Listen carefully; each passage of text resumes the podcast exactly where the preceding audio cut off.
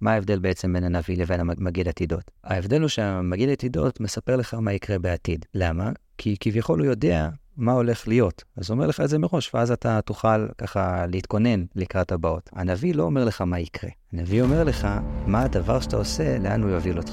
ולכן, נביא טוב זה נביא שהנבואה שלו לא מתקיימת. כי זה אומר שהוא הצליח לשכנע את העם שהם צריכים לתקן את הדרך שלהם. ואז הם באמת יעלו על המסלול הנכון. התיאולוגיה של האבסורד משמעות החיים בעקבות קהלת וקמי.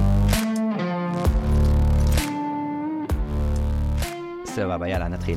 Uh, מעולה, טוב, אז אנחנו באמת בפרק ו', וזה מאוד מרגש כי uh, זה חצי, חצי הספר, ואתה, אורי, רצית גם להגיד שזה מרגש? חוץ מזה שזה חצי הספר, היום גם אה, ערב, ערב שנת 2024, מגניב אצלנו ערב עכשיו, זה מגניב לשבת, ללמוד קהלת במקום, אתה יודע, לעשות משהו אחר. במקום לצאת למסיבות. מאוד, מאוד קהלת מצדך. אפשר לסכם את הפרק שעבר, או לפחות להגיד באיזה רעיון סיימנו? לא. הכל ממש גרוע. סתם, סתם. פרק שעבר, פרק ה', עסק אה, בשני דברים, שוב בנושא העושר, שאנחנו נמשיך אותו גם בפרק הזה. אה, כי העושר חוזר, עושר בעין, כן, העושר חוזר אצל קהלת הרבה. אה, אנחנו נראה אותו גם פה, אנחנו נראה אותו עוד פעם בהמשך.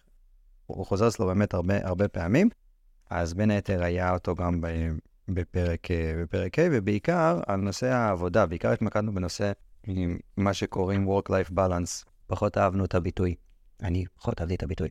אה, כי Work זה חלק מ-Life בעצם, אבל הסברנו איך אנחנו אמורים להיות שמחים גם כשאנחנו עובדים, כאשר הפתרון של קהלת הוא אה, לשמוח מהעבודה ולא מה-outcome, ליהנות מהדרך ולא, ולא בהכרח מה, מהסוף שלה. כן, זאת אומרת, אם אתה מטפס על ההר, תהנה מעצם הטיפוס ולא מההגעה לפסגה. אה, ופה קהלת ממשיך, פותח את הפרק ב"יש רעה שראיתי תחת השמש, ורבה היא על האדם". ראיתי רעה שקורית הרבה, הרבה פעמים. ממש אנחנו רואים את זה בהרבה מקומות. זה לא משהו שתופס רק אנשים ספציפיים, זה באמת רעה ככה לא, לא קטנה. קהלת שב לנושא העושר. אולי אעשה לכם ספוילר, אבל זה לא כזה ספוילר, הנה זה פה בפר... בפסוק ב'. איש אשר ייתן לו אלוהים עושר ונכסים וכבוד, ואיננו חסר לנפשו מכל אשר יתהווה. בן אדם שיש לו הכל, כן, איננו חסר לנפשו מכל אשר יתהווה, הוא באמת, יש לו אה, אה, כל מה שהוא צריך ואת כל, כל הדברים שהוא צריך כדי להשיג את כל מה שהוא רוצה. הבעיה היא, ולא ישליטנו האלוהים לאכול ממנו. יש לו את כל, לכאורה יש לו את הכל, אבל הוא לא נהנה מזה. כי איש נוכרי יאכלנו, זה הבל וחולי רעו. ואפשר ללכת עם הפסוק הזה לכמה כיוונים. אז נלך לכיוון אחד, ש... באמת מישהו אחר יאכל אותו. זאת אומרת, מישהו אחר יקבל בסופו של דבר את העושר הזה, כי הבן אדם נניח הסתבך בחובות, כי הוא הפסיד, כי מס הכנסה נפלו עליו, כי אני לא יודע, כי מיליון ואחת סיבות, לזה שבן אדם עבד, עבד, עבד כל החיים, ובסופו של דבר הוא לא מספיק ליהנות מהכסף שלו, כי הוא מאבד את הכסף שלו. אז זו אפשרות אחת של הסבר.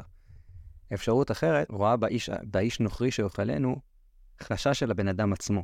זאת אומרת, אנחנו מדברים על עשיר שהוא גם קמצן. ועצם זה שאיש אחר יאכל אותו, גורם לזה שהוא בעצמו לא נהנה מהכסף שלו. המחשבה על זה שמישהו אחר יכול ליהנות מהכסף שלו, גורמת לו לא ליהנות מהכסף שלו בעצמו. כל כך מצמצם הוצאות, או כל הזמן חי את החיים שלו במחשבה של אולי מישהו אחר ייהנה מהכסף שאני עשיתי, אני עבדתי על זה, אני עשיתי פה, הוא לא מוכן להוציא שקל, ולכן בסופו של דבר גם הוא בעצמו לא נהנה מה, מהכסף שהוא עצמו ירוויח. אם אפשר להוסיף, אולי גם לזה אה, התכוונת בהסבר השני, באיוב אנחנו רואים שאיוב אחרי שהוא, אה, יש לו הכל, כמו שהפרק הראשון מתאר לנו, החצי הראשון של פרק א' מתאר לנו, שיש לו באמת הכל. פרק ג', איוב מציין את זה, שכל החיים פחד בעצם לאבד את הכל. זה אחד הדברים שהוא תמיד פחד מהם. אז הוא אף פעם לא היה רגוע ממה שיש לו, כי הוא תמיד פחד ממה שיכול להיות שלא יהיה לו פתאום. אולי זה גם אותו, אותו קונספט פה. מעולה. אז זה באמת אה, אה, פירוש מעולה שגם מתחבר עם הסוף של הפרק הנוכחי שלנו. אז באמת עוד דרך שלישית, מה שאורי הציע להסביר פה את אותו איש שלא ייהנה מנכסיו. הוא לא נהנה כי בעצם הוא כל הזמן חי בדאגות, כמו הדוגמה של איוב, שהביאה, ואנחנו מכירים גם בימינו. הרבה אנשים שהם כל כך מקפידים לחסוך שקל לשקל, והם לא מספיקים ליהנות בחיים עצמם.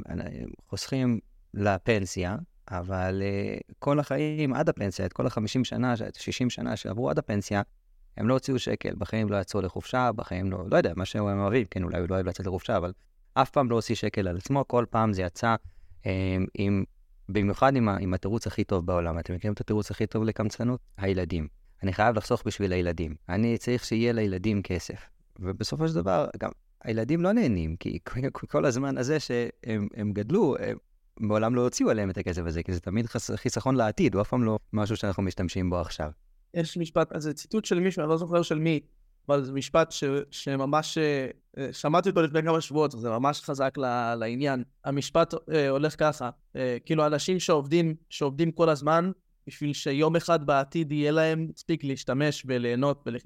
זה הולך ככה, wasting today for some imagine, imaginary tomorrow. זאת אומרת, אתה אף פעם לא נהנה היום, כי תמיד בעתיד, איזשהו, איזשהו עתיד דמיוני רחוק, אני אהנה מזה, מתישהו, זה לא יהיה היום, זה אף פעם לא היום. לא חיים בהיום. כן, מעולה, כן, אז זה גם אה, משפט חזק מאוד. למה קהלת חוזר כל הזמן לנושא הזה של העושר? אנחנו רואים שזה מאוד מציק, זה, זה חוזר בכל כך הרבה פרקים, הוא לא עוזב את זה. יכול להיות שקהלת שם לב, כמו שהוא אומר פה, כן, שרבה היא על האדם, שזה משהו שנורא נורא מטריד אותנו. אנחנו מאוד שם, אנחנו עסוקים כל הזמן בנושא הזה של אנחנו אוהבים את הכסף, ודואגים לגבי העתיד שלנו, ודואגים לגבי היכולת הפיננסית שלנו, היכולת להתקיים בו כלכלית בעולם. ודווקא מכיוון שהוא רואה שזה חוזר על עצמו בכל כך הרבה מצבים, אז חשוב לו לבוא ולתקוף את זה מכל מיני זוויות שונות. לבוא ולהראות למה הדאגות האלה הן מיותרות, למה ההשקעה שאנחנו משקיעים שם היא חסרת משמעות, היא הבל. אמרנו, אחד, אחד מההסברים להבל, חוסר משמעות. זה ריק, זה לא מוביל לשום דבר אמיתי. זה נדמה לנו, זה ממש אה, עוד, עוד אה, ביטוי שמופיע אצל קהלת, רעות רוח, זאת אומרת, ניסיון לתפוס את הרוח, אתה לא יכול לתפוס את הרוח, זה, זה בורח. ויש לנו אצל, אצל חז"ל, שמביאים לנו שבני חיי ומזונה, כן, בנים, חיים ופרנסה, לא, ב, לא בזכות הטליה מילתא, אלא ב, במזל הטליה מילתא. כן, בעצם אומרים, זה לא תלוי במעשים שלך, זה לא תלוי במה שאתה עושה, זה הרבה תלוי במזל. הרבה פעמים אנשים מנסים, כשאנחנו מחנכים בעצם את הילדים שלנו, אז כי אנחנו מצפים שיצא מהם משהו מסוים.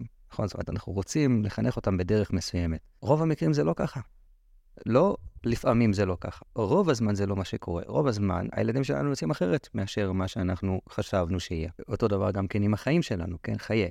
אנחנו בטוחים שאם אנחנו אה, נאכל בריא ונתאמן ונתעמל ונעשה את כל הדברים האלה, אז אנחנו נחיה חיים ארוכים וחיים מאושרים.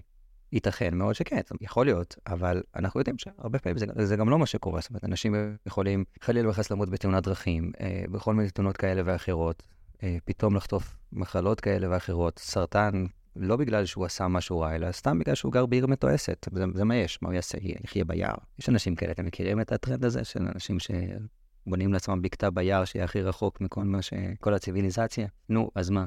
זה, זה ככה, ככה נחיה את החיים, אז אין לנו ברירה. אז הרבה בזה זה גם חי, גם חיים, תלויים בעצם במזלה, כן? מזל אצל חז"ל זה חוקי הטבע, כן? זאת אומרת, טבע העולם, ו- ומזונה, פרנסה. אז שזה העיסוק של קהלת כאן בפסוקים האלה. פרנסה גם תלויה הרבה ב- בסופו של דבר במזל ובמיליון ושתיים דברים אחרים שלא בהכרח נתונים בידיים שלנו. עכשיו, משהו שחשוב להגיד, כי הרבה פעמים מהקריאה בקהלת מתקבלת התחושה כאילו הוא אומר, אל תעשו כלום. מה זה משנה? הכל תלוי במזל, אז, אז תשב בבית ואל תעשה כלום. וכבר ראינו שהוא דחה את, הוא אמר שהכסיר חובק את ידיו ואוכל את בשרו. אז זה לא הפעולה של החכם. כשקהלת מדבר איתנו על זה שבכל המרדף הזה יש חוסר משמעות, הוא לא מתכוון שאנחנו לא צריכים לעשות שום דבר. הוא מתכוון בעיקר שאנחנו צריכים לדאוג פחות. זאת אומרת, הוא לא אומר לנו אל תתכננו את העתיד, אבל חשוב לו להבהיר לנו שהעתיד הוא בלתי ידוע. אז התכנון שלנו לא צריך להיות אגרסיבי, צריך להיות כזה שלוקח בחשבון שדברים ישתנו. לא לפגוע במה שיש לי היום, כמו שמאור אמר, בגלל ה-imaginary tomorrow. אז, אז, אז, אז זאת הנקודה, הנקודה העיקרית כאן היא לא לא לעשות, הוא לא קורא לחוסר עשייה, הוא קורא לעשייה מבוקרת שבאה מתוך הסתכלות מבו, אה, מפוקחת על העולם, מתוך הבנה שהדברים לא תמיד תלויים בי, ולא בהכרח אם אני אעשה עכשיו, אני אקנה את הספר Six, the, six months to six figures, יש כזה ספר באמת, אז uh, באמת אחרי חצי שנה אני אהיה לי uh, פיגר. אולי, יכול להיות, תנסה. אין לו בעיה עם זה שתנסה, זאת אומרת, כל הזמן אומר אל תנסה, אבל אומר, קח בחשבון, סיכוי סביר שזה גם לא יקרה, אז אל, ת, אל תיכנס לזה מתוך איזשהו מקום, אל, אל תפיל על זה את כל החיים שלך, אל תשקיע בזה את כל החיים שלך, כי בסוף כשאתה תיפול, אז הנפילה תהיה הרבה יותר קשה. אבל אם אתה נכנס לזה במקום מפוקח, מהבנה של משמעות החיים שלי היא לא שם, והמשמעות של החיים שלי היא נמצאת במקום אחר, במה שיש לי, בדרך, ביכולת, אני אהנה מהניסיון לעשות את ה-six figures, אז מצוין. אבל אם המשמעות החיים שלי תהיה תלויה במטרה הזאת, יש סיכוי שהמטרה הזאת לא תקרה, סיכוי סביר שהמטרה הזאת לא תקרה, ואני רק אסבול. אני אסבול גם מהדרך, כי אני לא נהנה מהדרך, אני לא שם שם את ההנאה שלי, ההנאה שלי זה מהמטרה. אז אני אסבול גם מהדרך, ואני אסבול בסופו של דבר גם מהתוצאה, כי רוב הפעמים התוצאה תהיה לא מה שציפיתי אליה.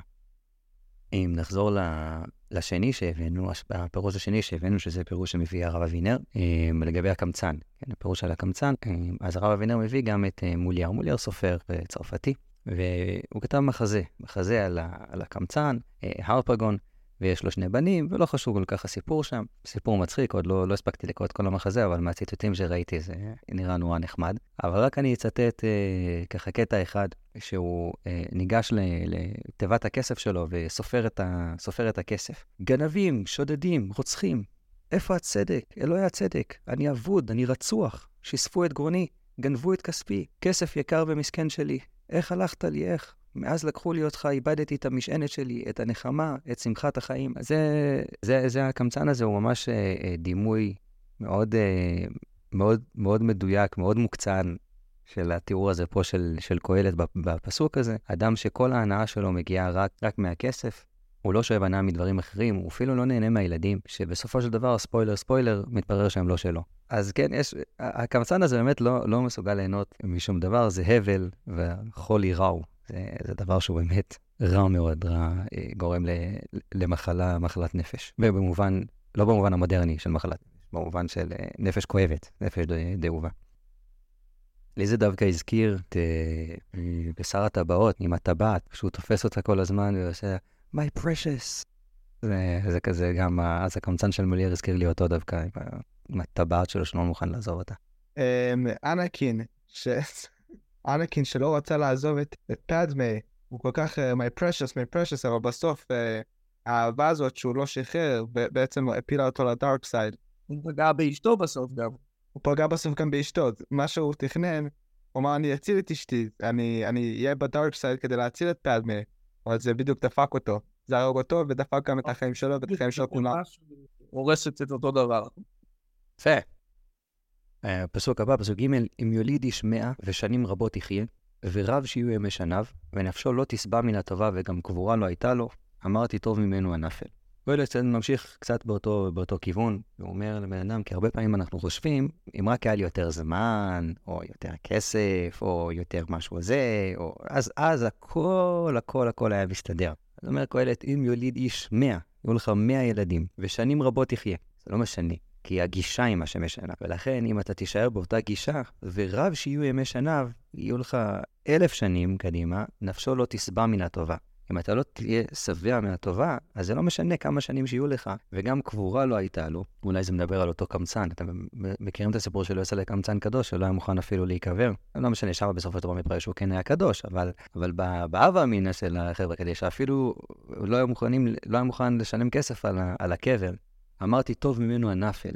נפל זה, זה, זה אירוע מזעזע. נפל זה תינוק שנופל, שלא חי, מעולם לא ראה חיים. אבל שלמה אומר, זה עדיף על בן אדם שחי את החיים האלה וסבל בהם. אם כל החיים שלך אתה נכנס וסובל, אתה רק, כמו שאמרנו, אותו, אותו או קמצן, או אותו בן אדם שחוסך ולא מוכן ליהנות מהכסף שלו. אם החיים שלך מלאים בסבל, אולי עדיף לא לחיות אותם.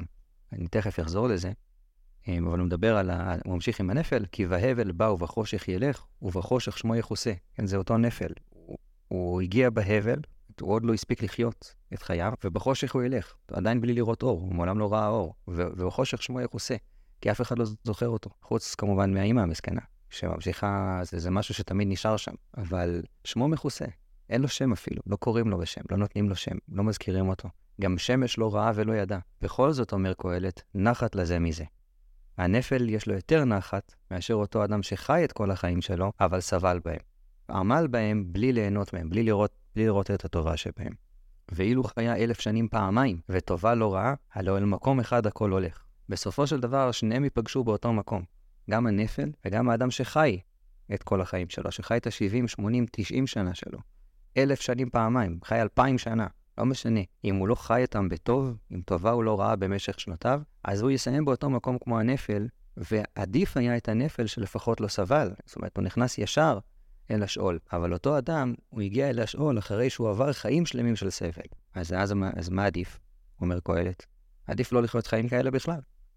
אה, יש, אה, לא יודע, לא יודע אם יצא לכם לראות את זה פעם, יש פרסומת של מקדונלדס, שבן אדם הולך, והוא הוא מגיע כאילו, ל, הוא מגיע לשמיים, ואז הוא רואה שלט, אה, hell, ואין לו ברירה, לשם הוא נכנס. אבל מה הוא רואה שם בגיהנום? הוא רואה מלא, מלא המבורגרים ו- וצ'יפסים ודברים, ואז פתאום איזה בחורה מגיעה אליו כזה על רולר בלייד, לא זוכר, ומגישה לו כזה את ההמבורגר לפה, ושנייה לפני שהוא טועים, הוא אומר לה, This is hell? ואז כזה יורד מהשמיים כזה רסן ותופס לו את הפה, והוא לא מסוגל לאכול, הוא לא יכול לעשות כלום, ואז היא מחייכת אליו ואומרת לו, No, this is hell. אז uh, זה מה שקורה פה בעצם לאותו אדם. הנפל לא חווה, הוא לא ראה, הוא לא ידע שהוא יכול ליהנות בכלל. אותו, אז זה לא גיהנום. גיהנום זה לראות את כל הטובה, לראות שאפשר ליהנות, לקבל את ההזדמנות ליהנות ולא ליהנות, זה גיהנום. וזה חיים ש, שקשה מאוד לחיות אותם. הרב אבינר מביא כאן על, אה, על אותו אדם שכן, שנוח לו שלא, שלא היה, אה, שיש, תסתכלו משהו מאוד מעניין בעולם. ככל שהדברים יותר בסיסיים לקיומנו, ככה הם יותר, הם יותר נמצאים בשפע. האוויר, אנחנו לא יכולים רגע בלי אוויר, הוא מגיע בחינם, יש אותו בכל מקום. מים, זה דבר שאנחנו מאוד מאוד צריכים אותו, יחסית, יש יותר מים בעולם מאשר דברים אחרים, למשל אוכל. אוכל, אנחנו צריכים אותו אחר כך, יש אוכל בעולם. פחות זמין מאשר מים. יותר קשה גם לייצר אותו, וכן. למשל, אה, אוויר צח ו- ושמש, אנחנו זקוקים לשמש. אז השמש מגיעה אלינו כביכול, לכאורה בחינם. אבל תראו איך בני אדם ידעו להרוס אפילו את זה. הייתה תקופה בצרפת וב- ובלונדון, שכדי לשלם מיסים, איך היו עושים את זה? היו סופרים לך את החלונות. ככה היו יודעים מה הגודל של הדירה, ולפי זה היית משלם מס. אז מה עשו אנשים עניים? גרו בבתים בלי חלונות, כי הם לא יכלו לשלם מס. אז תחשבו מה זה לחיות בדירה, לחיות בבניין דירות, בלי, בלי חלון, בלי אוויר, בלי, בלי שמש שנכנסת אליך הביתה אפילו. זה ממש אה, בחושך בא ובחושך ילך, ממש אה, כמו, כמו התיאור פה. זה, עוד פעם, הדרך של, של בני אדם להרוס את, ה, את הטובה שאלוקים נותן להם פה. בבית רגיל בבני ברק אורי יש חלונות. גם לנו יש חלון, השאלה כמה אפשר לפתוח אותו. זה מעניין, יש מבחינה, מבחינה ביולוגית, מבחינה פיזיולוגית, יש, אה, יש קשר בין אה, דיכאון, אנשים שיש להם דיכאון קליני, לבין אה, כמה, כמה שמש אתה מקבל. זאת אומרת, אומרים ש, שאחד מה, מהדברים שעוזרים לדיכאון הקליני זה תצא החוצה, תקבל קצת שמש. זה נכון. יש אפילו, אפילו רואים את זה לפי ארצות. ככל שאתה יותר צפוני, יש יותר נטייה לדיכאון, בגלל שיש פחות ימי שמש. הסקנדינביות, למשל, הן המדינות עם שיעור הדיכאון הגבוה ביותר, למרות שהן גם המדינות עם שיעורי העושר, אגב, עושר באלף. זאת אומרת, כשבדיווחים על, על עושר, אז הן גם מקבלות תמיד, כאילו, את ה, בסקרים, את המקום הראשון, וגם יש שם שיעורי דיכאון גבוהים. אז, זאת אומרת, יש להם מספיק רווחה ומספיק כלכלה, ובכל זאת יש הרבה... פסוק ז', כל עמל האדם לפיהו וגם הנפש לא תמלא. לא יודע אם שמתם לב, אבל זו הפעם הראשונה שהוא מזכיר את הנפש. הנפש לא, לא הייתה פה עד עכשיו. בשיעור הקודם הזכרנו את פירמידת הצרכים של מאסלו. והנפש נמצאת איפשהו במקום אה, גבוה בפירמידה הזאת, נכון? אנחנו שמנו בהתחלה את אה, צורכי קיום בסיסיים של האדם, אה, אחר כך ביטחון, אחר כך צורך בזהות ובשייכות, ואחר כך מימוש עצמי. הנפש מגיעה ממש, ממש בסוף. איך אנחנו הולכים לפרש נפש פה? או, אז אנחנו נראה כמה, כמה שיטות לפרש את נפש פה, אבל בוא, בוא נתחיל עם הפירוש הפשוט במקרא בדרך כלל של נפש. נפש זה כוח החיים של האדם. Okay? זאת אומרת, מה, ש, מה שאתה מרגיש, אולי אפילו גם קצת איך שהיום אומרים נפש. איך שהיום אומרים נפש, אני מתכוון בפסיכולוגיה. לא, לא בלימוד, זאת אומרת, נפש כמכלול החוויות החושיות של האדם. ובעצם אומר כאן, כל עמל האדם לפיהו, האדם הולך, רוצה, הוא עובד, בשביל מה אנחנו עובדים? בשביל מה אנחנו עמלים? בשביל לאכול, נכון? ובשביל מה אנחנו אוכלים? כדי שיהיה לנו כוח להמשיך לעבוד. וגם הנפש לא תמלא, הנפש לא מקבלת מזה בסופו של דבר שום דבר, אלא סיפוק ואין לה הנאה בדבר הזה. וזה באמת פעם ראשונה שהוא מזכיר כאן את הנפש, הוא עוד לא הזכיר אותה עד עכשיו. פעם ראשונה שהוא מזכיר ממש במפורש את נושא הסיפוק, שבן אדם יש לו נפש, יש לו, הוא צריך סיפוק עצמי, הוא צריך בסופו של דבר להרגיש שמה שהוא עושה משמעותי בעולם. והעמל בפני עצמו לא מספק לו את הדבר הזה. אתה עמל בשביל לעבוד, לאכול, ואתה אוכל בשביל לעבוד, ואם אין לך משהו לחיות בשבילו, אז אתה, שוב, אתה סתם סובל, אתה לא ממלא באמת את הנפש. עוד דרך לקרוא את זה, אה, זה, ב, זה בתמיהה. אה, רש"י למשל מפרש את זה ככה, והוא שואל, כל עמל האדם לפיהו, וגם הנפש לא תמלא, אין גבול, אתה, אתה עובד בשביל לאכול. בסדר, כמה, כמה לאכול אתה צריך? כמה לאכול אתה צריך? כאילו, אין, אין לזה גבול לכמה, לכמה שאתה ממלא כאילו את, ה, את הגוף שלך ב, באוכל, כאילו, ככה רש"י מפרש את זה. אז אתה, אתה דוחף עוד ועוד ועוד ועוד ועוד. בשביל מה? אז יוצא שבסופו של דבר אתה עובד לחינם, אתה עובד מאוד קשה, אבל אין סיבה לעבוד את כל העבודה הזאת. זה כמו להכין סעודה ענקית, ואתם רק שני אנשים. אז בשביל מה כל הסעודה הזאת? בשביל מה כל הטרחה? זה בנוגע ל... איך שההתקדמות של הספר. כרגע,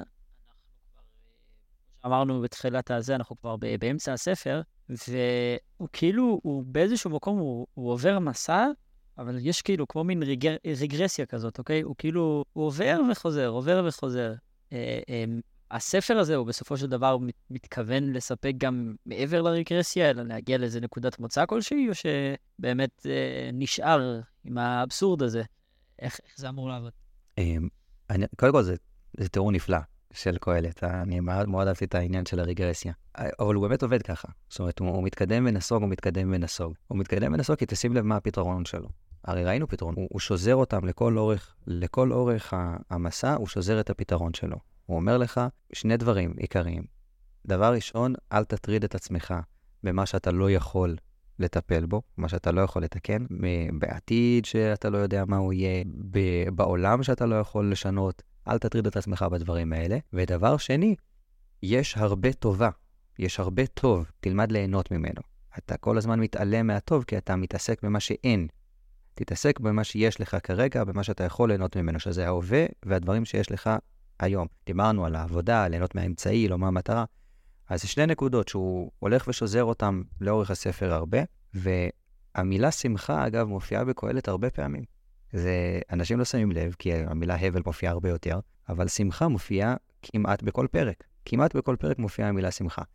כי קהלת לא מלמד את האדם להיות עצוב, זו לא מטרתו. מטרתו ללמד אותך להיות שמח. אבל אם השאלה שלך היא, האם קהלת פותר את האבסורד? לא. לא יבוא פתרון לאבסורד, כי זה כלול בדברים שהוא אומר שאתה לא יכול לתקן. אתה לא יכול לשנות את העולם, בתפיסה הקהלתית. כן, אני מודע לזה שיש הרבה תפיסות אחרות, אבל בתפיסה שלו אתה לא יכול לשנות את העולם. אז אתה צריך ללמוד לחיות אותו בצורה הטובה ביותר. וזה המסע שהוא מנסה להעביר אותנו. אפשר לחשוב על, ה, על הסדר של הדברים של קהלת כמו, כמו ריקוד. כלומר, צעד אחד אחורה, שתי צעדים קדימה, צעד אחד אחורה, שתי צעדים קדימה. הוא הולך, אבל אה, כאילו, ואז הוא מתקדם. חוזר לפורמה, ואז הוא מתקדם. זה מטאפורה יפה. אני בדרך כלל מכיר שאומרים ספירלה, ריקוד זה הרבה יותר uh, רומנטי, אני לוקח. uh, טוב, באופן טבעי, כמובן, uh, חז"ל לקחו את זה למקום של, uh, של, של קיום מצוות ולימוד תורה, uh, ואנחנו מכירים את המדרש, אתם יכולים לראות את זה פה למטה אצל, uh, במקראות שלובות, שהוא מביא את המדרש הזה, שאמר רבי חנינא בן יצחק, כל מה שיעמוד אדם מצוות או מעשים טובים לפיו, אה, ולא לפי בנו ולא, ולא לפי ביתו. אומרת, זה הולך בשבילך. וגם הנפש לא תמלא, שהנפש יודעת כל מה שהיא עמלה, לעצמה היא עמלה. לפיכך, לכך אינה שבעה, לא תורה ולא מעשים טובים. משל למה הדבר דומה? לעירוני שנשא בת מלכים. היא מביא לה כל מה שבעולם אינן חשובים לה. אינן חשובים לה כלום, למה שהיא בת מלך? כך הנפש, היא לבד על הכל מעדני עולם, אינם כלום, למה שהיא מן העליונים. אז בעצם המדרש לוקח את זה לכיוון אה, טיפה שונה. הוא אומר, גם הנפש לא תמלא. הנפש לא יכולה להתמלא אף פעם מכמה שאתה תיתן לה אה, תורה ומעשים טובים, זה עדיין לא מספיק לה. למה? כי הנפש מקורה מ- מלמעלה. נפש היא מגיעה מהעולמות העליונים, והדוגמה שם, שהמדרש מביא זה נסיכה שהתחתנה עם איזשהו כפרי. אז הכפרי מנסה לתת לה את כל מה שהוא יכול לתת לה, הוא נותן, מכין לה חביתות, ומכין לה לחם, ומכין לה הכל. אבל היא עדיין זוכרת את הטעם של המעדנים של בית המלך. ולכן שום דבר שתביא לה לא מספק אותה. בעצם אומר המדרש, אתה חייב לתת לנפש שלך את הדברים שמספקים את הנפש. אתה לא יכול לספק את הנפש בדברים חיצוניים. כל כך הרבה פעמים אנחנו מוצאים את עצמנו, הולכים ומנסים לספק את עצמנו בדברים שהם לא בעמקי ההוויה שלנו. אנחנו מנסים בן אדם שהוא מחפש אהבה לצורך העניין, מה שחסר לו זה אהבה. במקום אהבה, הוא מוצא דברים אחרים, אוקיי? זאת אומרת, הוא, הוא מספק את עצמו בדברים אחרים. אז למה הוא לא מסופק? למה הוא עדיין צריך ללכת לעשות את זה כל לילה או כל שתי לילות? כי הוא לא מסופק, כי זה לא מה שהוא מחפש. הוא חושב שזה מה שהוא מחפש, כי הדבר האמיתי שהוא מחפש נמצא שם קבור למטה, והוא לא גילה אותו. אחד הדברים שעושים, למשל בטיפול פסיכולוגי, לנסות להבין מה עומד מאחורי הרצונות שאתה אומר ש, שאתה צריך. מה עומד מאחורי הדברים שאתה הולך לח, אה, לחפש. וכי הנפש לא תתמלא אם לא תפתור את הבעיות האלה. אתה צריך לפתור את. אה, אה, שאלות היסוד שמציקות לך, ורק אז הנפש באמת יכולה להרגיש שלמה עם עצמה, יכולה להרגיש שהיא קיבלה את מה שהיא צריכה. אם כבר הלכנו לכיוון הזה, אז אני דווקא הייתי קורא את הפסוק הזה בצורה אחרת. כל הבא לאדם לפיו, וגם הנפש לא תימלא. כלומר, העמל של האדם, לפיו, הכוונה, כמו שאמרת מקודם, אוכל כאילו לפה, והוא בעצם אוכל, אבל הנפש לא תתמלא מזה. בערך דומה למה שאמרת, רק אולי בצורה אחרת.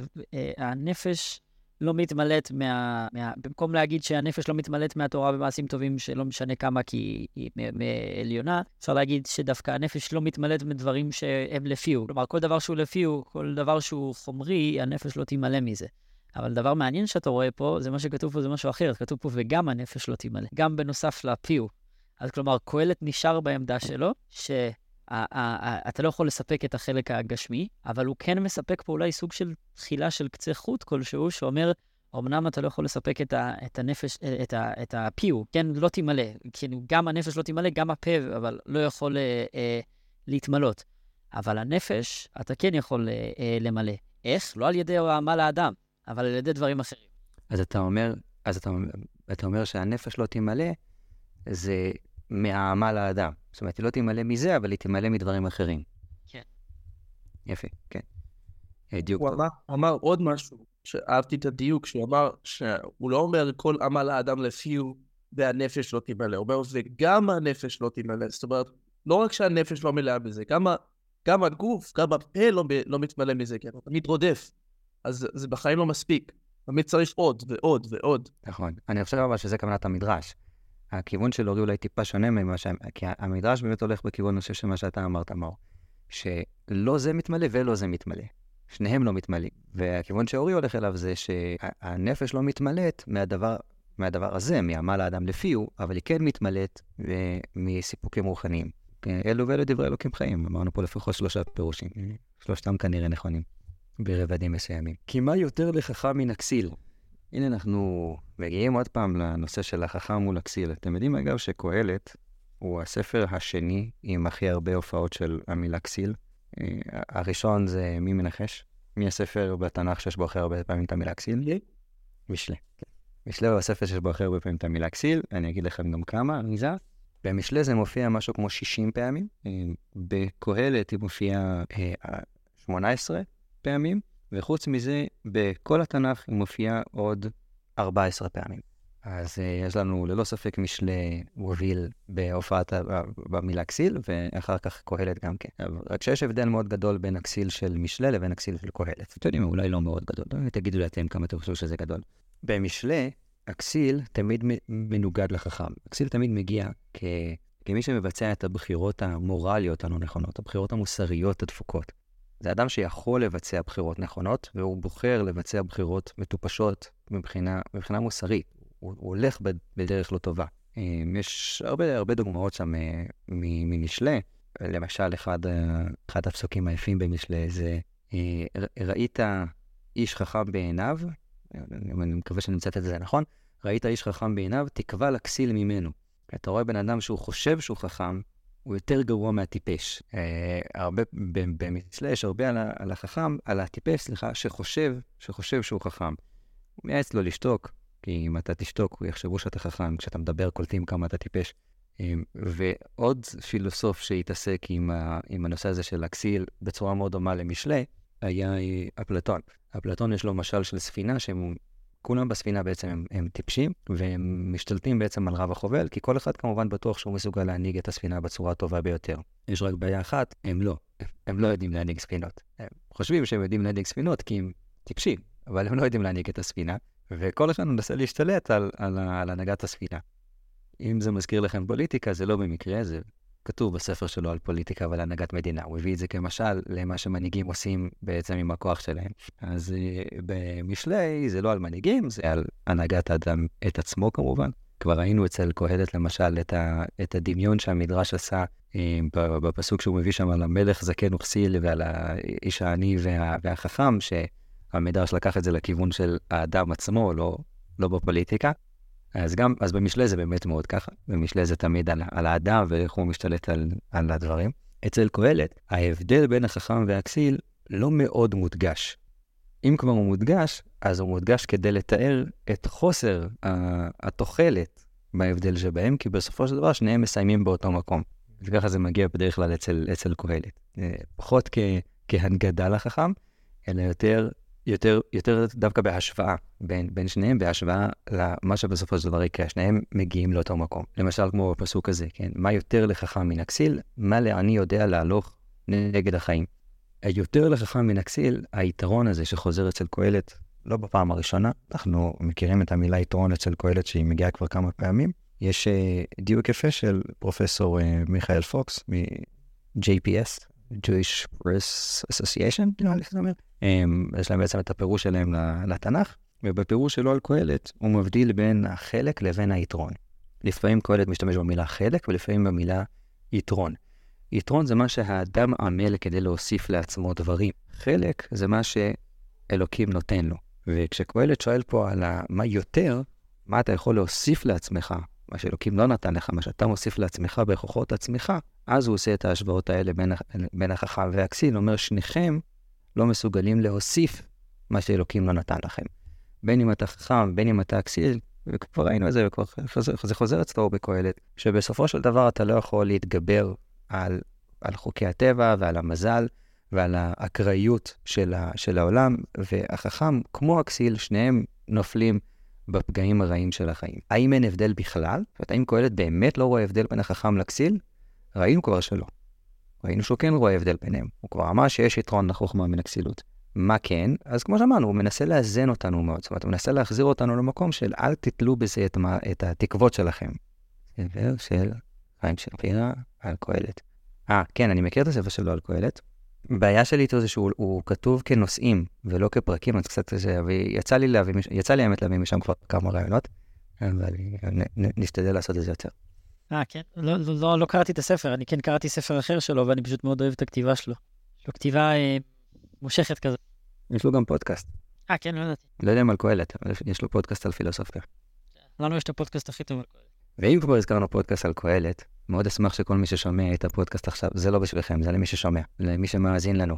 בין אם אתם מאזינים לנו ביוטיוב, בין אם אתם מאזינים בספוטיפיי, או בכל מקום שאתם שומעים את הפודקאסטים שלכם, בבקשה, כנסו, דרגו, שתפו עם חברים, ספרו את זה הלאה, תפיצו את, ה, את הבשורות הטובות. אה, נודה לכם מאוד. אה, ולחזור לפסוק הזה, כי הוא, כמו שאתם רואים, אה, מה לאני יודע להלוך נגד החיים? זה, זה, המילים פה קצת הוגשו לי. אגב, אם יש למישהו איזה הסבר יפה ככה שהוא רוצה לתת לנו, מה לאני יודע להלוך נגד החיים? אז אני אתן את הפירוש שאני הבנתי בזה. מה לאני יודע להלוך נגד החיים? האם הוא יודע, האם גם הוא מסוגל ללכת נגד החיים?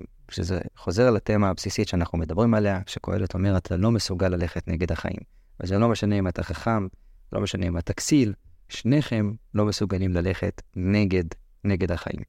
המדרש אולי אומר את זה במילים טיפה אחרות, אה, אתם יכולים לראות את זה פה. מה לעני יודע להלוך נגד, להלוך נגד החיים? מה לעני בנכסיו ללכת אצל העשיר? מה יעשה? ילך ויעסוק בפרקמטיה. בעצם אומרים לו, אל תתלה את התקוות שלך בללכת לעשיר ולבקש ממנו את, ה, את הפרנסה שלך, לבקש צדקה אצל העשיר, לך תתעסק במשא ומתן, לך תעסוק אה, ב, בעבודה. אה, שזה מאוד מתאים לגישה הפרקטית של, של קהלת, שבא ואומר לבן אדם, תנסה לעשות מה שאתה יכול, ותנסה לשמוח בחלקך ובמה שאלוקים נתן לך, אה, ופחות לתלות את התקוות שלך באיפה שאתה לא יכול. האמת שהפסוק הזה כתוב מאוד מוזר כשאתה מסתכל על זה. מה יותר לחכם מן הכסיל, ואז פתאום מה לעני יודע להלוך נגד החיים. זה כאילו, אם הוא היה כותב מה לעני מן העשיר, אז בסדר, אז אתה, הוא מביא פה עמדה וניגוד, אבל כאילו, הוא מביא עמדה וניגוד, ואז פתאום הוא מביא משהו אחר לגמרי. יש איזה, אתה חושב שיש פה איזה משהו שהוא מנסה להעביר פה? איזה קשר בין החכם והכסיל לעני נגד החיים? לא, אני חושב שהוא מדבר על האני, שהאני יכול להיות חכם ויכול להיות כסיל, ובשני המקרים הוא לא יוכל ללכת נגד החיים. בין אם האני הזה הוא חכם, בין אם האני הוא כסיל, הוא לא יוכל ללכת נגד החיים. אני לא חושב שיש פה ניגוד. ככה לפי איך שאנחנו פירשנו את זה, שזה נשען על הפירוש של המדרש. כן, זה לא שהטוב שלי מדבר על אותו דבר, כי זה לא החלק הזה שהפס... כן, ככה אני מבין. ולאחד הפסוקים, אה, שוב, אה, לקולט הרבה פעמים יש פסוקים כאלה ש, ש, שצריך להתעכב עליהם ולהבין את, ה, את, ה, את ההסבר שלהם, אז גם, גם הפסוק הזה לא שונה. טוב מראה עיניים מהלוך נפש, גם זה הבל ורעות רוח. אה, בואו נביא כמה פירושים על הפסוק הזה. רש"י, טוב מראה עיניים מהלוך נפש, אומר לנו רש"י שהאדם הרשע, הוא מסתכל על מראה העיניים, על ה-immediate desire, מה הוא יכול להשיג עכשיו, על ההנאה המיידית, מה הוא יכול להשיג עכשיו, ולכן הוא גונב והוא גוזל. הוא גונב וגוזל כי זה משהו שהוא יכול להשיג עכשיו בקלות. והוא לא מסתכל על הלוך הנפש. בפירוש של רש"י, על לאן הנפש הולכת כשהוא ימות. ובעצם הוא מאבד את, את, חיי, את חיי הנצח שלו, את חיי העולם הבא, כדי להשיג הנאה רגעית פה בעולם הזה. מצודו דוד הולך על כיוון אה, טיפה שונה, אבל גם מדבר על העולם הבא, ואומר שאם היינו רואים את העולם הבא, אז יכול להיות שהיינו מתנהגים יותר טוב. נכון? זאת אומרת, אם היינו רואים שכר ועונש, אם השכר ועונש היה ברור בעולם, כנראה שהיינו מתנהגים יותר טוב. ולכן, לכאורה, טוב מראה עיניים מהלוך נפש. מראה העיניים עדיף מאשר ההבנה השכלית של שכר ועונש. אבל למעשה, טוען המצודות דוד, גם זה הבל ורעות רוח, כי אלוקים לא חפץ ברובוטים. יש uh, קטע מאוד יפה שה... שהאשכנזים שרים ב... בתפילת יום כיפור, אשר אימתך בהרעלי אומן, באבירי אומץ, בבלולי קרח, בבדודי קדח, ומוראך עליהם. תיאור למלאכים. לא ניכנס לכל אחד מהמילים, אני גם לא, לא, לא יודע להסביר כל אחד מהם. אמ, אז אימתך מוטלת על אותם, על אותם מלאכים אה, קדושים, טהורים, אבירי אומץ, אה, קדח, ואבית תהילה, את, את מי אתה מחפש שיעלל אותך, שייתן לך תהילה? לא המלאכים. אתה מחפש את גלומי גוש, גורי גיא, גלולי פועל, דלי מעש. והיא תהילתך, אשר אימתך בשביבי אש, בשבילי מים, בתלולי רום, בטלטלי גובה ומוראך עליהם, ואבית תהילה מבשר ודם, מהבל ותוהו, מחציר יבש, מצל עובר, מציץ נובל, משלימי נפש. אה, אז תראו, כן, הבן אדם, הבשר ודם הזה, ההבל ותוהו הזה, ממנו אתה מחפש תהילה. שואלת השאלה למה? לא הרבה יותר הגיוני שתחפש תהילה מהעולם הנפלא הזה שבראת, מאין ספור גלקסיות, משמשות, מכוכבי לכת שאנחנו לא יודעים בכלל איך הם נראים, כי עד היום לא הצלחנו לצלם כוכבי לכת מחוץ למערכת השמש. כל מה שיש לנו זה הדמיות. אבל תמונה אמיתית אין לנו, אנחנו לא יודעים אפילו איך זה נראה. מ... עזבו, בואו ניכנס אפילו יותר נמוך מזה, אתם ראיתם לפעמים צילומים מיקרוסקופיים של כל מיני אה, חיידקים ודברים כאלה, ואתה אומר, וואי, זה מטורף, זה, זה מדהים. אתה לא מעדיף לקבל תהילה מכל אלה? אתה מחפש תהילה מאיתנו, מבשר ודם, שכל היום חוטאים ועושים שטויות ו- ו- ו- ועושים הבל ורעות רוח, ממנו אתה מחפש תהילה? והתשובה היא כן. התשובה היא כן, כי זה לא חוכמה לחפש תהילה מבוטים. זה לא מעניין. אם רובוט אומר לי תודה, הוא אומר לי תודה כי אמרו לו להגיד לי תודה. אז, אז מה עשיתי בזה? זה לא מעניין. מה מעניין? מעניין בן אדם שיכול לא לעשות, שיכול להיות רשע, שיכול להיות רע, שיכול להרוס, שיכול לנפץ, שיכול להשמיד, ובוחר לעשות טוב, ממנו אני מחפש תהילה, אומר, אומר אלוקים. אז זה מה שאומר פה בעצם המצודות דוד. יכול להיות שהיינו יכולים להראות לאנשים את השכר ועונש, ואז הם היו עושים. הם היו עושים מה שאומרים להם, היו עושים, אה, נהיים טובים, ואף פעם לא פוגעים באף אחד, ולכאורה זה עולם מושלם, נכון? לא, זה לא לא מושלם, זה עולם שאין צורך לברוא אותו בכלל. אין צורך, בשביל מה? מה המטרה של לברוא עולם כזה? אין, אין בו שום אתגר, שום דבר, שום דבר לא קורה בו באמת, זה הכל סרט. אנחנו מחפשים באמת עולם שבו יש אתגרים, עולם שבו יש מה לתקן, עולם שבו יש ויכוחים ופנימיים בתוך, בתוך נפש האדם, ושאדם יבחר לעשות טוב, זה, זה תיקון העולם. עוד פירוש, עוד פירושים על הפסוק הזה, טוב מראה עיניים מהלוך נפש. אנחנו מסתכלים, אה, אפשר לראות פה את, ה, את המדרש, סליחה, גמרא ביומא, אמר רב יוסף, מכאן רמז לסומין, העברים שאוכלים ולא שבעים. כי הם לא יכולים לראות את מה שהם אוכלים. בעצם טוב מראה עיניים, אנחנו אוכלים עם כל החושים. יש לפעמים במסעדות יוקרה שאתם אומרים לך חוויה של כל החושים, כי אתה אוכל ויש את הקראסט, אז יש לך את ההנאה בשמיעה, ואתה אה, נהנה מהמרקם, ואז אה, יש לך גם את המישוש, ואתה נהנה מאיך שזה נראה. אז יש כל, כל החושים בעצם מתערבים פה ב, ב, בעניין האכילה הזאת. וטוב אותו מראה עיניים הוא טוב יותר מהלוך נפש, מאשר התיאור של הדבר. הראייה בעין של מה שאתה רואה ואתה חווה, היא טובה יותר מאשר חושב שאם אני אתאר לך איך הדבר הזה בעצם, אה, בעצם נראה. וריש לקיש אפילו לוקח את זה למקום אפילו יותר, הייתי אומר, פרובוקטיבי, לא יודע. אה, אמר ריש לקיש, טוב מראה עיניים באישה יותר מגופו של מעשה. אמר, טוב מראה עיניים מהלוך נפש. יש לדוקטור בראון, כתבת פה משפט, אני אפילו לא יודע אפילו אם היא שמה לב לכמה גאוני הדבר הזה שהיא כתבה, כי זה שלוש מילים. We desire, desire. אנחנו מתאווים לתאווה, אנחנו חושקים בחשק. אנחנו הרבה יותר אוהבים את ה... את ה-pursuit מאשר, ה, מאשר להשיג את הדבר הזה בעצמו. אנחנו נהנים מהציד יותר מאשר הניצוד. יכולים לראות, רואים שטיסל, זה ממש, ממש מרגישים את זה. המתח המיני באוויר בשטיסל זה הרבה יותר מאשר בכל סדרה אחרת. למה? כי הוא לא ממומש אף פעם. אתה תמיד נשאר בשלב של להתאוות לתאווה, ולא להגיע אליה. וזה בעצם מה שאומר פה, מה שאומר פה ריש לקיש. עצם ההתאוות לתאווה היא הרבה יותר מהנה, היא הרבה יותר חזקה מאשר בסופו של דבר התאווה עצמה. ברור לנו למה קהלת תכנה את זה הבל ורעות רוח. כי זה אומר שאנחנו נהנים מהדמיון מההמצאות שאנחנו ממציאים לעצמנו בדמיון הרבה יותר מאשר מה שבאמת קיים. וזה חוזר לתמה הבסיסית שלו, העיקרית שלו. תפסיקו כל הזמן לחיות חלומות, תתחילו לחיות את החיים ואת המציאות. אמ, אז, אז זה בעצם העניין הזה פה. נורא מעניין.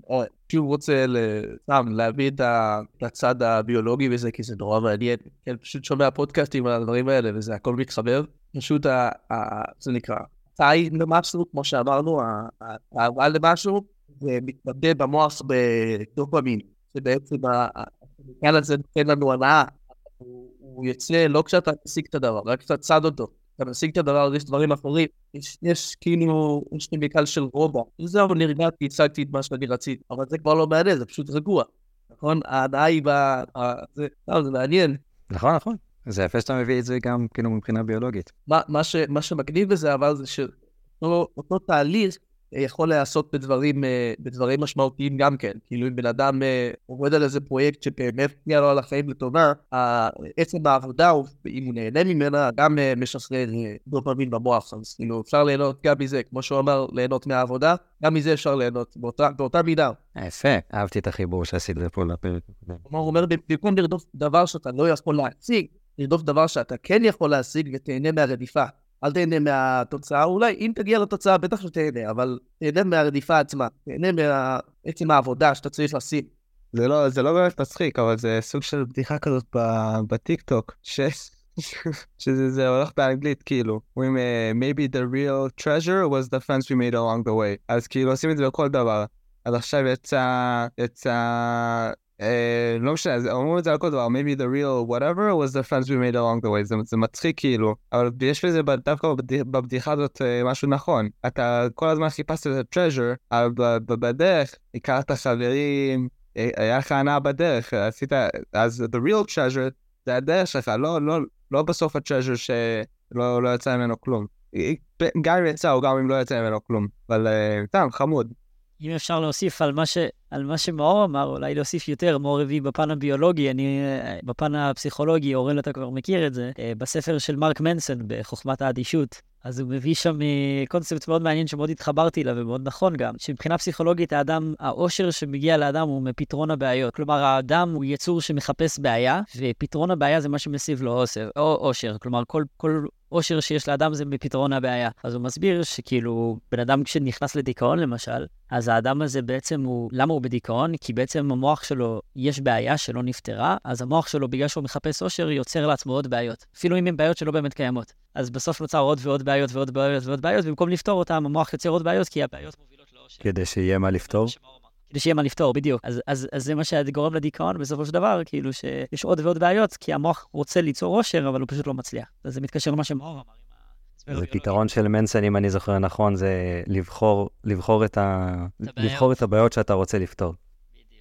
זה מזכיר לי גם משהו אחר שדיברנו עליו לפני כמה שיעורים, אני לא זוכר, שאמרנו שבעצם כשבן אדם, כשבן אדם כבר אה, אין לו בעיות אה, גוף, אה, גופניות, אה, כאילו שהוא מסופק, כאילו יש לו אוכל, יש לו, יש לו, יש לו את כל מה שהוא צריך בשביל לחיות, כדי לשרוד, אז, אז עכשיו הוא מתחיל אה, אה, לשאול ש, אה, שאלות שונות, כאילו, או יש לו צרכים שונים פתאום, פתאום אה, איך אני מרגיש, אני אה, הוא, לא יודע אם הוא בהכרח מחפש את זה, אבל אבל זה אה, קורה אוטומטית כאילו. כשאין לך יותר בעיה, בעיה פיזית, פתאום זה מתחיל להיות יותר מזה. איזה עוד בעיה אני צריך עכשיו? מה, איך עוד אני יכול לספק את עצמי? זה, זה בעצם חוזר למה שדיברנו קודם, על, אה, על איך שאתה אתה לא יכול לספק גם את הנפש, כאילו. אתה תמיד צריך למצוא עוד. עוד בעיות. יפה. אה, טוב, כדי לסכם רק את הנושא הזה, יש... אה, אה, הרב אבינר, אגב, לוקח את זה פה ל- למקום טיפה שונה, שהוא אומר, טוב, מראה עיניים מהלוך נפש, זה עדיף- ציפור אחת ביד מאשר שניים על העץ. כן, את מה שאני יכול להשיג, את המראה עיניים שאני יכול להשיג עכשיו, מאשר ההלוך נפש שנמצא איפשהו שם בעתיד, ואני לא יודע אם אני אגיע אליו. ובהקשר הזה יש משפט של,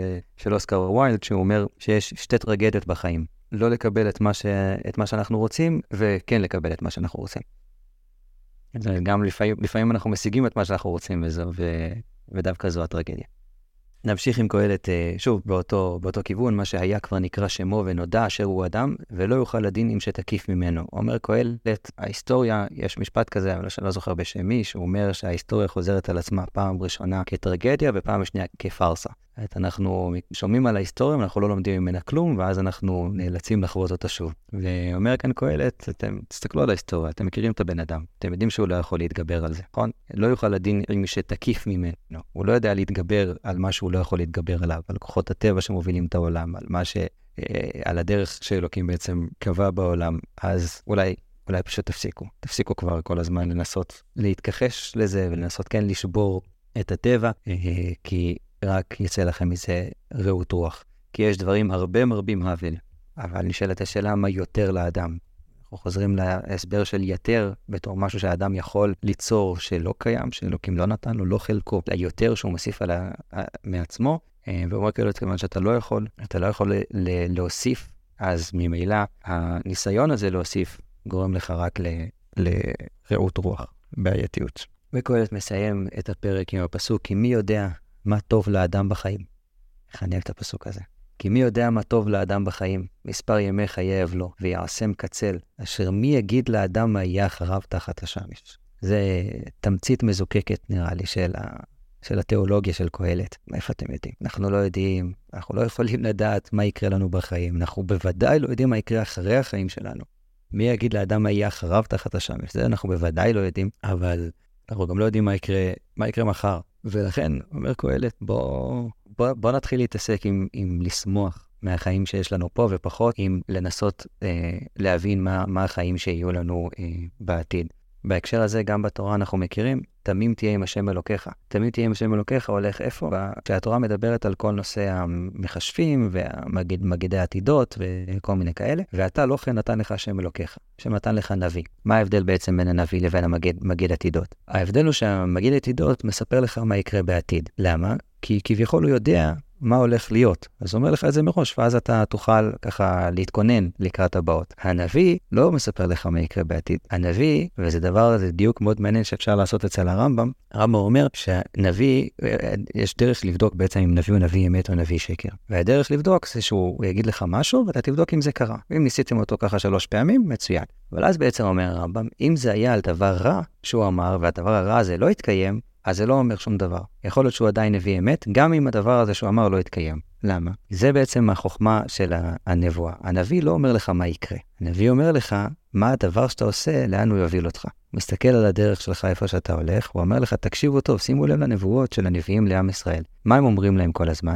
הדרך שבה אתם הולכים עכשיו, תוביל אתכם לעבר פי פחת. מה שאתם עושים עכשיו, יוביל אתכם לאבדון. אתם רבים ביניכם, אתם אה, עושקים אחד את השני, אתם גוזלים אחד את השני, תדעו לכם, זה יביא לחורבן שלכם. ולכן, נביא טוב, זה נביא שהנבואה שלו לא התקיימה. כי זה אומר שהוא הצליח לשכנע את העם שהם צריכים לתקן את הדרך שלהם, ואז הם באמת יעלו על המסלול הנכון. זה נביא טוב, נביא טוב זה אחד כזה שהנבואה שלו בסופו של דבר לא מתקיימת. כי המטרה היא לא לגלות מה העתיד. לגלות מה העתיד זה אומר לך קהלת, אין דבר כזה, אתה לא יודע מה העתיד. נביא טוב זה מי שיודע להשפיע על ההווה, להגיד לך מה, תצ... מה צריך לקרות בהווה, לא מה יקרה, לא מה צריך לקרות בסופו של דבר בעתיד. עוד סיפור קטן ככה שזה לפני שנסיים את זה, יש uh, סיפור חסידי uh, ישן, שאחר כך אה, פאולו קואלו עשה מזה ספר שנקרא אלכימאי, לא יודע אם מישהו יצא לו לקרוא. אה, יצא לי לקרוא גם ספר אחר שלו ופחות אהבתי, האלכימאי דווקא היה נחמד, אה, בעיקר בגלל שכבר הכרתי את הסיפור. מה עם יונה הנביא? נו, זה בדיוק מה שקרה עם יונה. הוא לא רצה להיות נביא טוב, הוא רצה שהנבוא, שהנבואה שלו תתקיים, שכן, שהם כן יהרסו.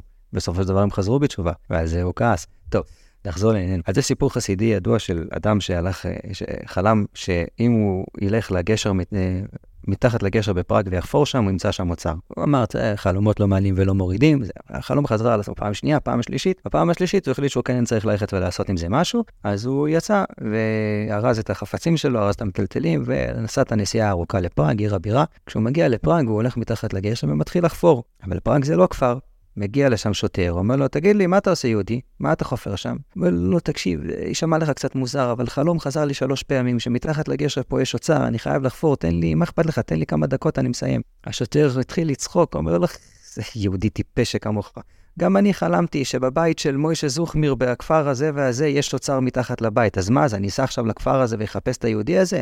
זה השם שלו, היהודי הזה, ואז הוא הבין, הוא חזר הביתה, חפר מתחת לרצפה והוא גילה שם באמת את האוצר. אז הרעיון בסיפור החסידי הזה זה להגיד, לפעמים אתה מחפש את האוצרות אי שם מעבר להרי החושך ושוכח שהאוצר נמצא בבית שלך. זה הילד שלך שיושן עכשיו על הספה, זה האוצר. אתה הלכת לחפש בפריז את האוצר שלך, לא, לא, זה פה בספה. לפני, לפני כמה שבועות, או האמת לפני כמה חודשים, בדיוק שאלתי את מאור, אה, ושאלתי אותו מה זה בעצם טוב. טוב זה האישיות, האישיות היחידה שיכולה להגיד לנו מה זה טוב ומה זה רע, זה הקדוש ברוך הוא, כי הוא יצר את הכל. כאילו בתור בני אדם, אנחנו לא יכולים להגיד אה, זה טוב, זה רע. לפני, לפני, לפני הקדוש ברוך הוא לא היה לנו סוג של אה, מורליות שתגיד לנו זה טוב, אנשים היו רוצחים את מי שהם רוצים לרצוח, הם לא התאים להם. ובעצם זה היה הדת שהגיעה ואמרה, לא, זה לא טוב, צריך לעשות ככה וככה וככה וככה. לפחות זה, זה מה שאני חשבתי. מאור, מאור, לא זוכר אם הוא, הוא הסכים איתי או שהוא אמר לי משהו אחר, אבל, אה, אבל אה, אז זה גם, אז שהוא, שהוא אומר פה, כי מי יודע מה טוב לאדם, היא באמת איך אנחנו אמורים לדעת מה טוב, אלא מי שיצר את העולם, אלא מי שבוחר מה זה טוב ומה זה רע. מי שאומר ש... אז אתה מבין פה מה טוב באופן מוסרי. כן. כאילו ההבדל בין טוב לרע.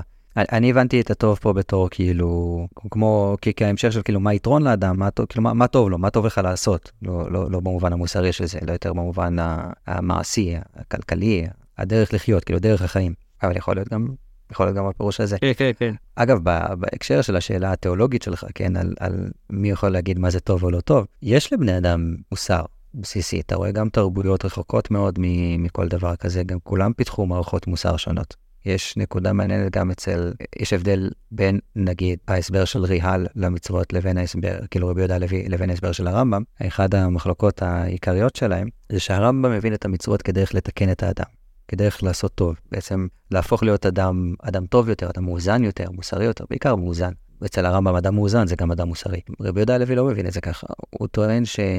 בהמשך זה גם מאוד השפיע על, על, על השיטה הקבלית ללהבין את המצוות. אבל ריאל בעצם אומר שמוסר זה דבר בסיסי שמשותף לכל התרבויות בעולם. כולם צריכים לעשות טוב. אמנם יש מצוות בתורה שעוסקות בנושא הזה, אבל המטרה העיקרית של התורה היא לקחת מדרגה אחת מעבר לזה, מעבר למוסר הבסיסי. אה, הוא בעצם בא ואומר, אז אתה אומר שזה כאילו אה, אבולוציה טבעית כדי לפתח, אה, שכחתי את המילה, אמרת את זה לפני, לפני דקה. מוסר? לא, לא מוסר. כאילו מוסר, זה, זה, אה, מוסר זה אבולוציה טבעית אה, שצריכה כדי לפתח, אה, אה, תרבויות שלא עושות אחת את השני. כן, כן, בדיוק. תרבות שבאמת כאילו יכולה להתקיים, תרבות קיימת. וזה אגב, חוקרי אבולוציה באמת טוענים את זה, שהמוסר התפתח בשביל לשמור, בשביל לשמור על חברות. אבל הט, הטיעון של רבי יהודה הלוי זה שהדת לא באה בשביל לתקן את, ה, את החברה, אלא כדי להפוך אותה למשהו מיוחד, להפוך אותה למשהו שהוא גבוה יותר מאשר חברה מוסרית בסיסית. הטיעון שלו. אני, אני יותר אוהב את הטיעון של אה, רש"ר, אבל כבר חורג נראה לי מהגבולות של השיעור. בשתי מילים, רש"ר טוען שהנה, שהתורה מנסה ליצור חברת מופת, כן חברת מוסר, אבל חברה שהיא, שאפשר ללמוד ממנה. זאת אומרת ש, שכולם מסתכלים ואומרים, אוקיי, תראו, אפשר, אפשר להצליח, אפשר להיות פרופסורים לכלכלה, פרופסורים למתמטיקה, להיות חקלאים, אה, להיות עובדי, עובדי ניקיון, לא משנה מה, אפשר להקים מדינה שהיא... כל הדברים קיימים בה, ולהיות המדינה הכי מוסרית והכי, והכי צודקת אה, ושוויונית. זה הטיעון. אנחנו דווקא רואים ש- שעד כמה שהיה מוסר, אחרי ההתפתחות של הנצרות, בעצם ה- להתפתח יותר כאילו. כאילו אמריקה לא הייתה יכולה אה, להתקיים בלי, בלי הנצרות בעצם. לפני זה אתה מסתכל על רומא, על יוון, היה מוסר, כאילו כמו ש, שלכל אחד היה מוסר, אבל לא היה את המוסר שיש היום, את, ה, את החוקים ואת, אה, בוא נגיד אה, ככה דמוקרטיה לא הייתה יכולה להתקיים אה, בלי, המוסר היהודי, שהוא בעצם התפתח, מה- שבעצם הנצרות השתמשה באותו, באותו, באותו, כן. יש לרב זקס טיעון, טיעון מעניין שמאוד דומה למה שאתה אומר. יש לו ספר שנקרא מוסריות. הוא מביא שם טיעון מאוד דומה, מאוד דומה למה שאתה אמרת. אז כן, מעניין לראות את זה, כן.